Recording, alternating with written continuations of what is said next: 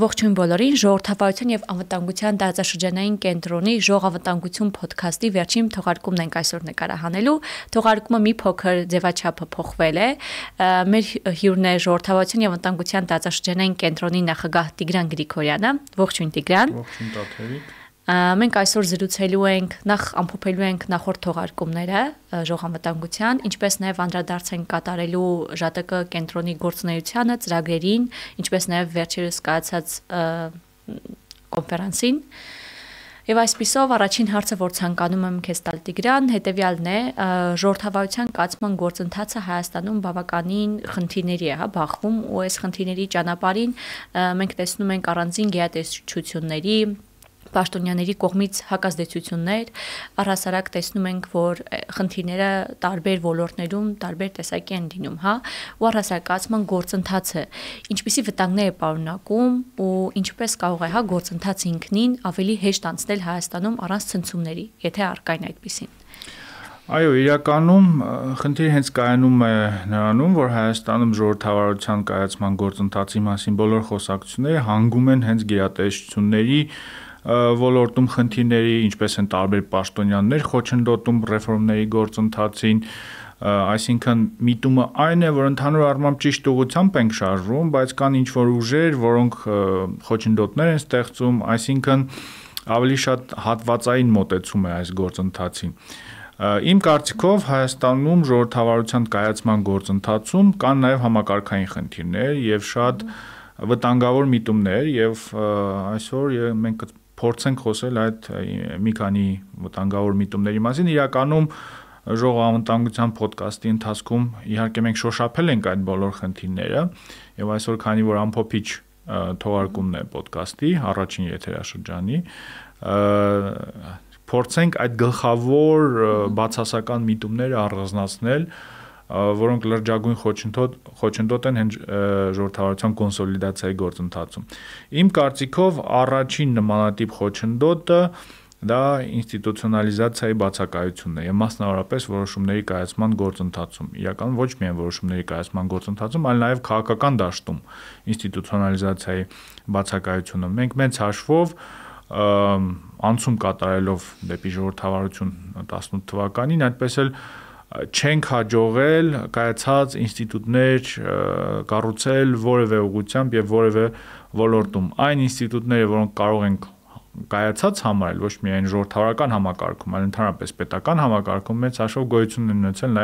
մինչև հեղափոխությունը նաև։ Իմ ընկալմամբ Հայաստանում շատ քիչ կայացած ինստիտուտներ կան, պետական ինստիտուտներ, դրանցից օրինակ կենտրոնական բանկը կարելի առանձնացնել կամ չգիտեմ ֆինանսների նախարարությունը ու դրանք ինչ որ ժողովրդավարացման արդյունքում ի հայտ եկած ինստիտուտներ չեն։ Երբ բան հասնում է հենց ժողովրդավարական ինստիտուտների, քաղաքական կուսակցություններ, չգիտեմ, իշխանությունների վերահսկողության տարբեր մեխանիզմներ, այստեղ մենք տեսնում ենք, որ ինստիտուցիոնալիզացիա գոյություն ունի եւ այստեղ առավել մտահոգիչ է հենց որոշումների կայացման գործընթացում ինստիտուցիոնալիզացիայի բացակայություն, երբ ամեն ինչ կախված է մեծ հաշվով կամ մի մարդու կմահաճույքից կամ էլ մարդկան շատ փոքր խմբի կմահաճույքից եւ այդ որոշումների կայացման ձևաչափը իրականում ֆորմալ ձևաչափեր չեն, այսինքն իշխող կուսակցության ներսում են մեծ հաշվով կայացում այդ գործընթացները։ Այս միտմանը առնչող մյուս բացասական կամ մտահոգիչ միտումը այն է, որ իշխող ուժը մեծ հաշվով վերջին տարիների ընթացքում, հատկապես Ղարաբաղյան երկրորդ պատերազմում Հայաստանի պարտությունից հետո փորձում է վերահսկողություն հաստատել տարբեր անկախ մարմինների նկատմամբ։ Նմանատիպ օրինակներ շատ են, նույն նախագահի ինստիտուտը տեսնում ենք, որ կուսակցականացվել է կամ չգիտեմ, քաղաքականացվել է կենտրոնական դրական հանձնաժողովը, գիտենք, որ իշխող ուժի ներկայացուցիչը ներկայացուցիչը նշանակվեց այդ այդ կառույցի ղեկավարի պաշտոնում սա մի երևույթ է որ գոյություն չի ունեցել նույնիսկ նախկին իշխանությունների պարագայում եւ իրականում շատ զավեշտալի են այն բացատրությունները որոնք տրվում են իշխող ուժի ներկայացուցիչների կողմից եւ մասնավորապես վարչապետի կողմից որ այ տեսեք մենք այն ուժն ենք որը կազմակերպել է արդար եւ առաջին անգամ Հայաստանի պատմության մեջ կազմակերպել է արդար ազատ արդար թափանցիկ ընտրություններ եւ մենք ենք այդ երաշխավորը որ Հայաստանում ընտրությունները միշտ ազատ, արդար եւ թափանցիկ են լինելու։ Սա այսինքն շատ հակաինստիտուցիոնալ, պոպուլիստական խոսույթ է։ Չի չեն կարող անհատները երաշխավոր լինեն ինչ որ ինստիտուտի կայացման, այսինքն եթե չկան ինստիտուցիոնալ երաշխիքներ, ուրեմն չկան ընդհանրապես երաշխիքներ։ Նմանատիպ օրինակներ իրականում շատ են, ոչ միայն խոսքը ԿՂ-ի մասին է, նախագահի ինստիտուտի մասին է, մեծ հաշվով նույն օմբուդսմենի ինստիտուտը, եթե նայում ենք էվալյուցիան վերջին տարիները, տեսնում ենք, որ էլի վերահսկողություն հաստատելու ուղղությամբ է այդ մարմնի մարմնի նկատմամբ գնում գործընթաց եւ իրականում օմբուդսմենի ինստիտուտը այն եզակի ինստիտուտներից էր, որ նույնիսկ մինչ հեղափոխական շրջանում բավականին անկախ եւ կայացած ինստիտուտ էր եւ այժմ կարծում եմ միտումը ավելի շատ բացասական է, քան դրական։ Նմանատիպ վերջին օրինակը նույն կոռուպցիայի կանխարգելման հանձնաժողովի ընտրությունները, նախագահի ընտրությունները եւ այդ բոլոր քննարկումները, որոնք կային ազգային ժողով ժողովում կա առնվազն լեգիտիմ կասկած, որ այստեղ եւս իշխանությունները փորձում են վերահսկողություն հաստատել այդ մարմնի նկատմամբ եւ նշանակել իրենց համար ավելի հարմար տեխնացուի։ Սա բացասական միտումների մի խումբն է։ Երկրորդ խումբը կախված է, կապված է հիմնական քաղաքական դերակատարների կողմից օգտագործվող խոսույթներին, հռետորաբանությանը։ Մենք տեսնում ենք, որ թե իշխանությունները, թե ընդդիմությունը օգտագործում են շատ պարակտիչ եւ քաղաքական հակառակորդներին ապալեգիտիմացնող բառապաշար եւ խոսույթներ։ Օրինակ, երբ իշխանությունները բոլոր իրենց քաղաքական հակառակորդներին անվանում են 5-րդ շարասյուն, դա նշանակում է, որ նրանք ապա լեգիտիմացնում են քաղաքական հակառակորդներին։ Նույնը վերաբերում է ընդդիմությանը, երբ նրանք օրինակ օգտագործում են այնպիսի եզրույթներ կամ այնպիսի խոսույթներ, ինչպիսիքն են օրինակ իշխանությունների վերաբերյալ օգտագործող այդ բառերը, ինչպիսիքն են թուրք, դավաճան եւ նմանատիպ եզրույթներ, այստեղ վտանգը կայանում է նրանում, որ երբ դու ապալեգիտիմացնում ես քո քաղաքական հակառակորդներին, կամ շատ մեծ վտանգ, որ ապագայում դու կարող ես դիմել հակասամադրական միջոցների քաղաքական վեճերը հաղթարելու գործընթացում։ Այսինքն, երբ դու նշում ես, որ քո քաղաքական հակառակորդը ոչ թե քաղաքական հակառակորդ է, այլ սպառնալիք է օրինակ Հայաստանի անկախությանը, անվտանգությանը, ինքնիշխանությանը, դա նշանակում է, որ ժողովրդավարությունը այլևս ամենակարևոր սկզբունք չէ, որով պետք է առաջ շարժվենք։ Եթե կա վտանգ երկրի ինքնիշխանությանը, པարզ է, որ շատ հաճախ կարող ես արդարացնել, որ ժողովրդական բացատրել, որ ժողովրդավարական ընթացակարգերը կարելի է մի կողմ դնել։ Հիմա եթե օրինակ իրոք այլ երկրների գործակալներ են քո դեմ աշխատում, պետության դեմ աշխատում, པարզ է, որ շատ հաճախ նույնիսկ ժողովրդավարական երկրները դիմում են ոչ այդքան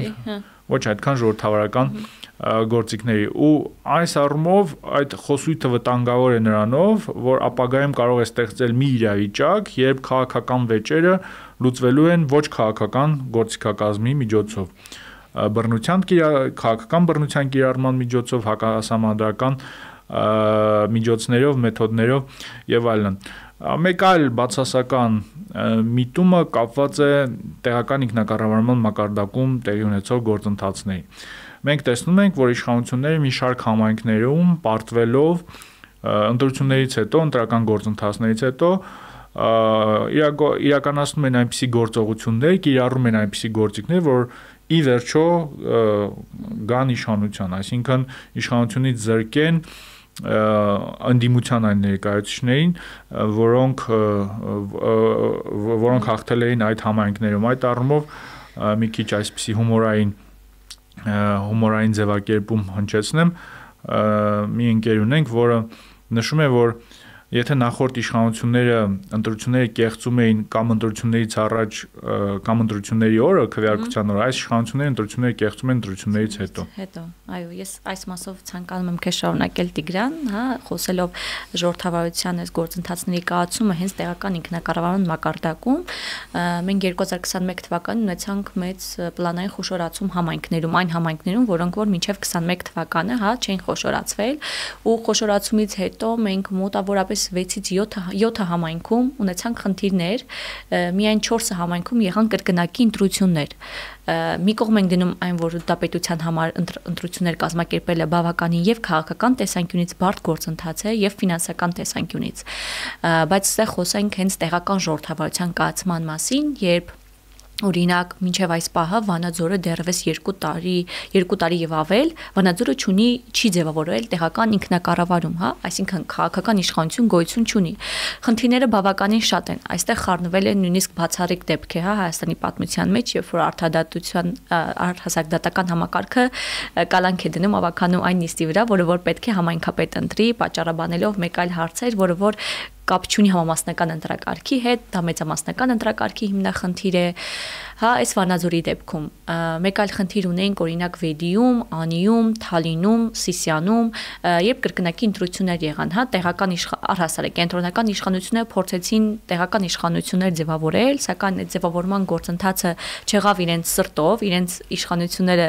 հա, չհավաքեցին անհրաժեշտ ձայները, որպիսի մեծամասնություն կազմեն, իսկ առհասարակ լավ ժողովրդավարական երկրում նորմալ կարող էին գնալ կոնսոլիդացիայի, հա, ընդդիմության հետ, սակայն ընդդիմությունն էլ չկարողացավ պայմանավորվածության գալ եւ մեծ համայնքներում մենք ամիսներ շարունակ նույնիսկ տարի ավել ճանաչանք նորմալ տեղական իշխանություններ։ Վերջերս տեսանք Երևանի ընտրություններում, հա, ինչպիսի վարչական ռեսուրսի չարաշահում եւ կիրառում տեղ ունեցավ, հա, նախարարության աշխատակիցներին ցույցերի ցույցերի բերելը ու առհասարակ հա հենց ընտրությունների օրը դրանից առաջ կարծես թե մենք խոսում ենք ժողովրդավարության մասին, բայց երբ որ նայում ենք հենց առօրյա տեղերում, համայնքներում, դա ավելի հայլային պատկերը մի փոքր այլ է լինում ու կարող ենք ասել, որ այս անցումային շրջանը բավականին ցնցումներով է Հայաստանի համար գնում ու իհարկե ամենավատ խնդիրը այն է, որ մենք ոչ միայն փորձում ենք ընդհանուր գործընթացներին տալ համակարգային լուծում, փորձում ենք ինչ-որ օրենքների մեջ առանձին փոփոխություններ կատարել, գտնելով կարծես թե բանալին հենց այդտեղ է։ Օրինակ առաջիկամ սպասվում են մեծ համանդրական փոփոխություններ, հենց օրինակ տեղական ինքնակառավարման համակարգում, կապված մի փոքր այլ օրինակ ճամբարակում եւ ապարանում վերջերս ընտրությունից հետո երբ որ քվոտան այնպես է բաշխվել, որ եւ երկու սերից պետք է ներկայացնել իրեն ավականու անդամների ցանկի մեջ, տեսանք, որ կին ավականու անդամները ապարանում եւ ճամբարակում վայր դրեցին իրենց մանդատները եւ փոխանը տղամարդիկ եկան, հա, այսինքն կարծես թե հին ու բարի ժամանակներն են վերադառնում ու այս խնդիրը նաև նրանից է գալի, որ երբ որ կուսակցությունների մասին օրենքում փոփոխություն կատարվեց, այսինքն արդեն համայնքներում կարող են առանձին կուսակցություններ բացելու համայնքում պայքարել իշխանության համար, դեռևս այս կուսակցական համակարգը մենք կարող ենք ասել համապետական մասշտաբով կայացված չէր, իսկ համայնքներում առավել ակնհայտ է դառնում այս խնդիրը։ Սա իհարկե տեղական ինքնակառավարման մասով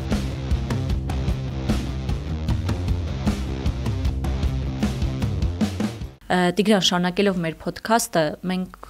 եւի մի փոքր էլ անդրադարձ կատարենք առհասարակ միշտ ժողովրդավարություն ու անվտանգությունը շատերը փորձում են արդից օգտվել ու իրարից բացառել, հա, ու դրանք համարել տարբեր բևեռներում, սակայն հետաքրքիր է ինչպիսի կորելացիա կա ժողովրդավարության եւ անվտանգության կապի միջև հայաստանյան համատեքստում եւ առհասարակ ինչպիսի տեսություններ կան, որ որ տեսություններն են արդի այս համատեքստում։ Այո, քանի որ ամփոփիչ թողարկումն է, մենք իրականում քննարկել ենք այս բոլոր տեսությունները նախորդ թողարկումների ընթացքում, բայց կարելի է առանձնացնել այն հիմնական տեսությունները, որոնք փորձում են կապ գտնել կամ հասկանալ այդ կոռելացիան ժողովրդավարության եւ անվտանգության միջև եւ հասկանալ ինչքանով են այդ տեսությունները կիրառելի իրականում հայաստանյան համատեքստում, որովհետեւ շատ հաճախ Հայաստանի այդ ներքաղաքական դիսկուրսներում, խոսույթներում այդպիսի զուգահեռներ տանում են առանց հասկանալով ժողովրդավարություն թե ժողովրդավարությունը ինչ է, կայացած ժողովրդավարությունը ինչ է, անցումային շրջանում գտնվող ժողովրդավարությունը ինչ է, հիբրիդային ռեժիմը ինչ է եւ ինչքան են օրինակ ժողովրդավարության եւ անվտանգության կապի վերաբերյալ տեսությունները կիրառելի հիբրիդային ռեժիմների պարագայում։ Նախ սկսենք նրանից, որ Հայաստանը կայացած ժողովրդավարություն չէ։ Հայաստանը նույն Freedom House-ի օրինակ տարբեր վարկանիշներով դեռևս հիբրիդային ռեժիմ է, այսինքն գտնվում է այդ անցումային փուլում։ Իհարկե միտումը ընդհանուր առմամբ դրական է, եթե նայենք վարկանիշին, այդ վարկանիշը աճում է եւ տարբեր ոլորտներում օրինակ կան լրջագույն ձեռքբերումներ, ինչպիսին է օրինակ մամուլի ազատությունը կամ համացանցում ազատությունը այս այս ոլորտներում Հայաստանը ազատ երկիր է արդեն համարում բայց ընդհանուր առմամբ ինչպես արդեն նշեցինք նախորդ հարց քննարկելիս որ նույն ինստիտուցիոնալիզացիայի ոլորտում քաղաքական համակարգի կայացման հարցում դեռևս շատ մեծ ճանապարհ պետք է անցնի Հայաստանը եւ հարց է մեծ հաշվով կանցնի այդ ճանապարհը թե չէ որովհետեւ շատ հաճախ մարդիկ ունեն այն կանխավարկածը, որ եթե դու սկսել ես ժողովրդավարական անցումը, անպայմանորեն այդ գործընթացը ավարտվելու է ժողովրդավարության կայացմամբ, բայց կան բազմաթիվ օրինակներ, երբ այդ գործընթացը այլ ճանապարհով է գնում։ Կան երկրներ, որոնք բավականին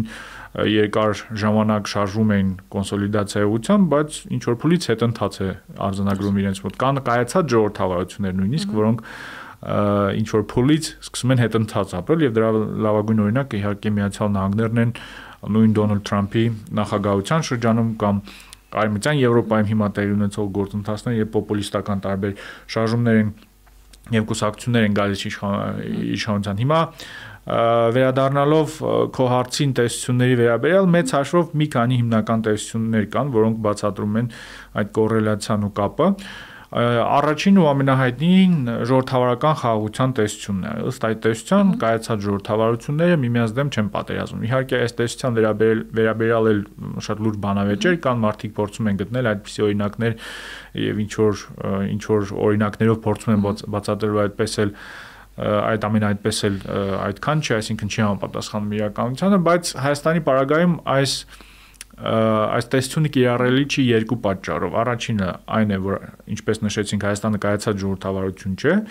իսկ այս տեսության պարագայում խոսքը գնում է հենց կայացած ժողովրդավարությունների մասին ու այդ տեսության հիմնական շեշտը դրվում է հենց ինստիտուտների վրա, ինստիտուտներն են կանխարգելում ինչ որ արտաքին քաղաքականություն, որ հանգեցնում է այլ ժողովրդավարությունների հետ պատերազմների ու նաև հիմնական սկզբունքը այն է որ ժողովրդավարությունները կարողանում են կայացած ժողովրդավարությունները կարողանում են իրենց վեճերը լուծելու ոչ բռնի միջոցներ, մեթոդներ գտնել։ Եվ երկրորդ խնդիրը այն է, որ իհարկե մեր հակառակորդ երկիրը ոչ միայն ժողովրդավարություն չէ, այլ նաև մեծաշով հիբրիդային ռեժիմ էլ չի, կոնսոլիդացված ու ավտորիտար համակարգ է, ու այս տեսությունը ընդհանրապես կիրառելի չի մեր համատեքստում։ -hmm կան կա նաև բավականին լուրջ գրականություն ժողովրդավարությունների եւ պատերազմների վերաբերյալ ինչքանով են արդյունավետ ժողովրդավարությունները պատերազմներում կա ստամի եւ ռիտարի հայտնի աշխատությունը ժողովրդավարությունների պատերազմելիս այս գիրքը իրականում քննարկել ենք նաեւ նախորդ թվարկումների ընթացքում որտեղ հստակ վիճակագրությամբ ցույց է տրվում, որ ժողովրդավարությունները քաղաքական բոլոր ռեժիմներից ամենաարդյունավետն են պատերազմների ընթացքում։ mm -hmm Նրանք հաղթում են իրենց կողմից նախաձեռնված պատերազմների 93%-ում, հաղթում են այն պատերազմներում, երբ իրենք են հենց հարձակման թիրախը կարծում եմ 67% է, եթե չեմ սխալվում, ու քաղաքական ռեժիմների բոլոր մյուս տեսակները իսկ իրենք առանձնացնում են 3 տեսակ՝ ժողովրդավարական, ավտորիտար եւ հենց հիբրիդային հիբրիդային եւ ավտորիտար ռեժիմները շատ ավելի քիչ արդյունավետ են պատերազմների ընթացքում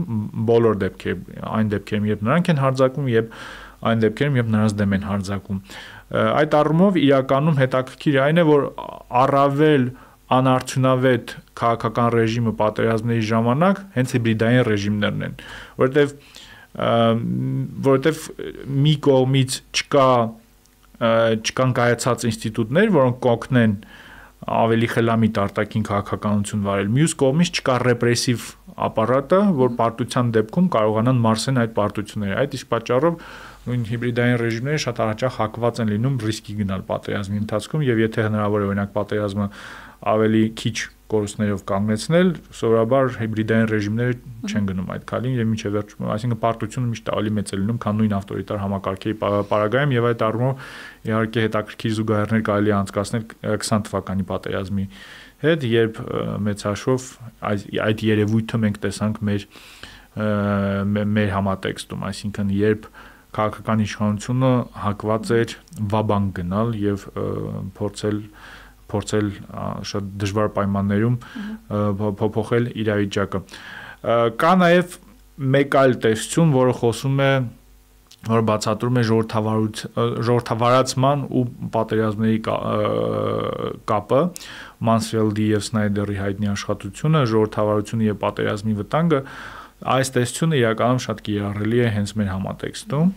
եւ իրականում Mansfield-ն ու Snyder-ը երբ գրում էին իրենց հոդվածը 95 թվականին եւ գիրքը 2000-ականների սկզբին Ղարաբաղյան առաջին պատերազմը եւս օգտագործում էին որպես օրինակ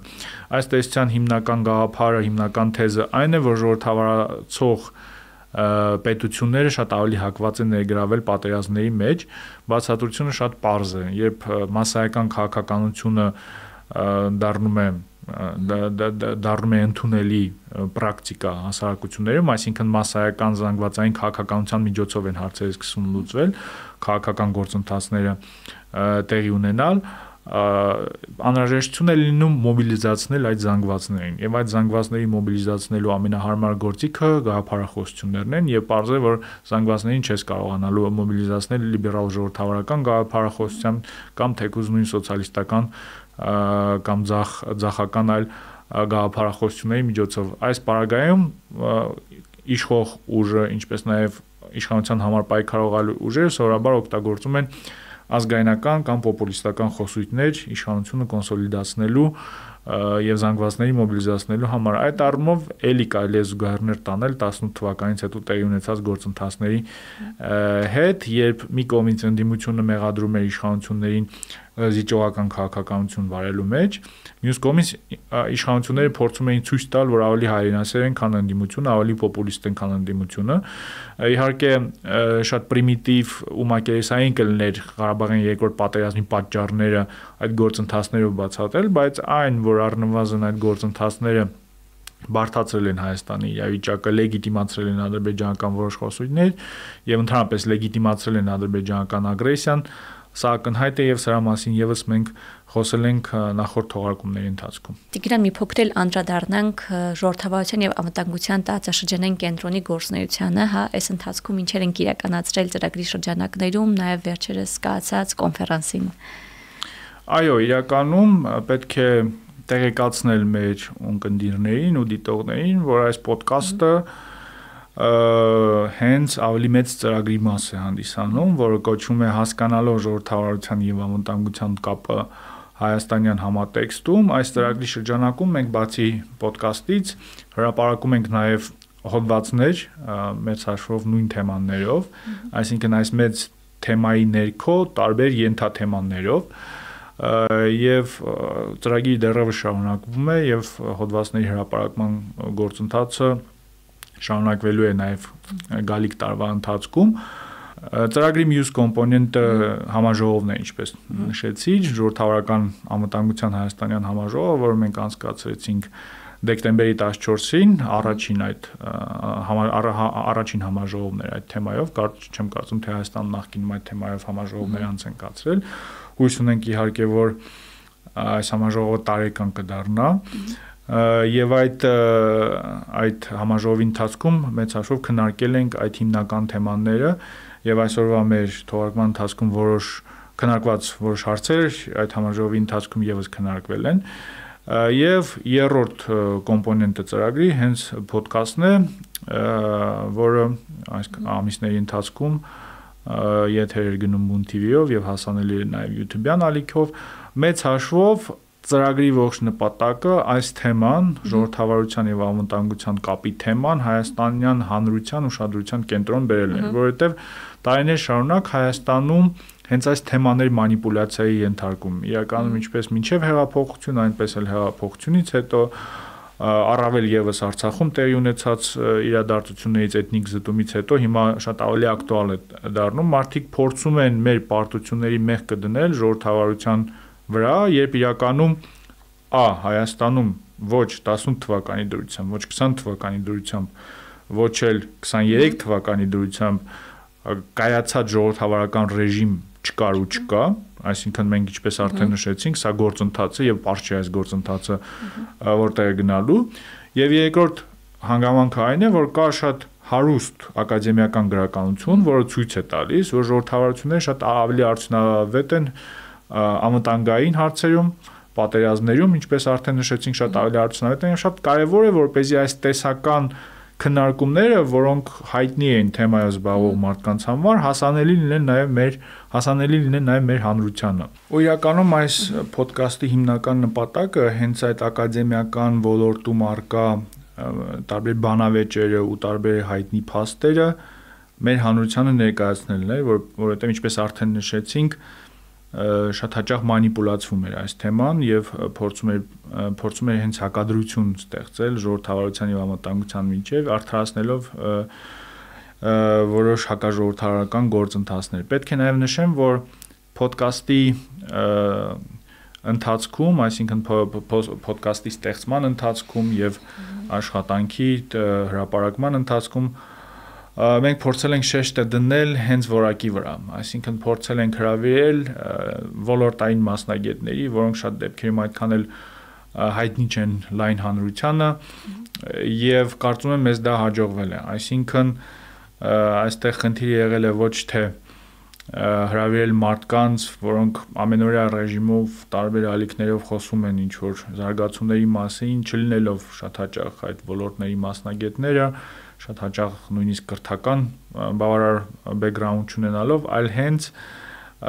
տարբեր ոլորտներում կայացած մարդկանց հravirել ու հենց այդ ենթաթեմաները նրանց հետ քննարկել եւ օրինակ կարծում եմ այս ոդկասթի ընթացքում այնպիսի մարդիկ են եղել մեր հյուրերը, որոնց որոնք որոնք շատ չեն խոսում հրաապարակային գործունեությամբ չեն զբաղվում եւ իրականում մենք փորձելու ենք մեր ապագա գործունեության մեջ եւս շեշտը դնել որակյալ մասնագետներին ներգրավելով եւ նրանց հարթակ տրամադրելու գործով, որովհետեւ Հայաստանում հանրային դիսկուրսը շատ հաճախ կարելի ասել լծված է շատ անորակ կոնտենտով, լծված է մարդկանցով, որոնք որոնց դժվար է ինչ որ ինչ որ հարցի կամ ինչ որ ոլորտի մասնագետ համարել։ Շնորհակալ եմ Տիգրան։ Դե ինչ այսօր մենք ավարտում ենք ժողովրդավարության եւ անվտանգության տարածաշրջանային կենտրոնի ժող անվտանգություն ոդքասթի առաջին եթերաշրջանը, հուսանք այն շարունակական կլինի։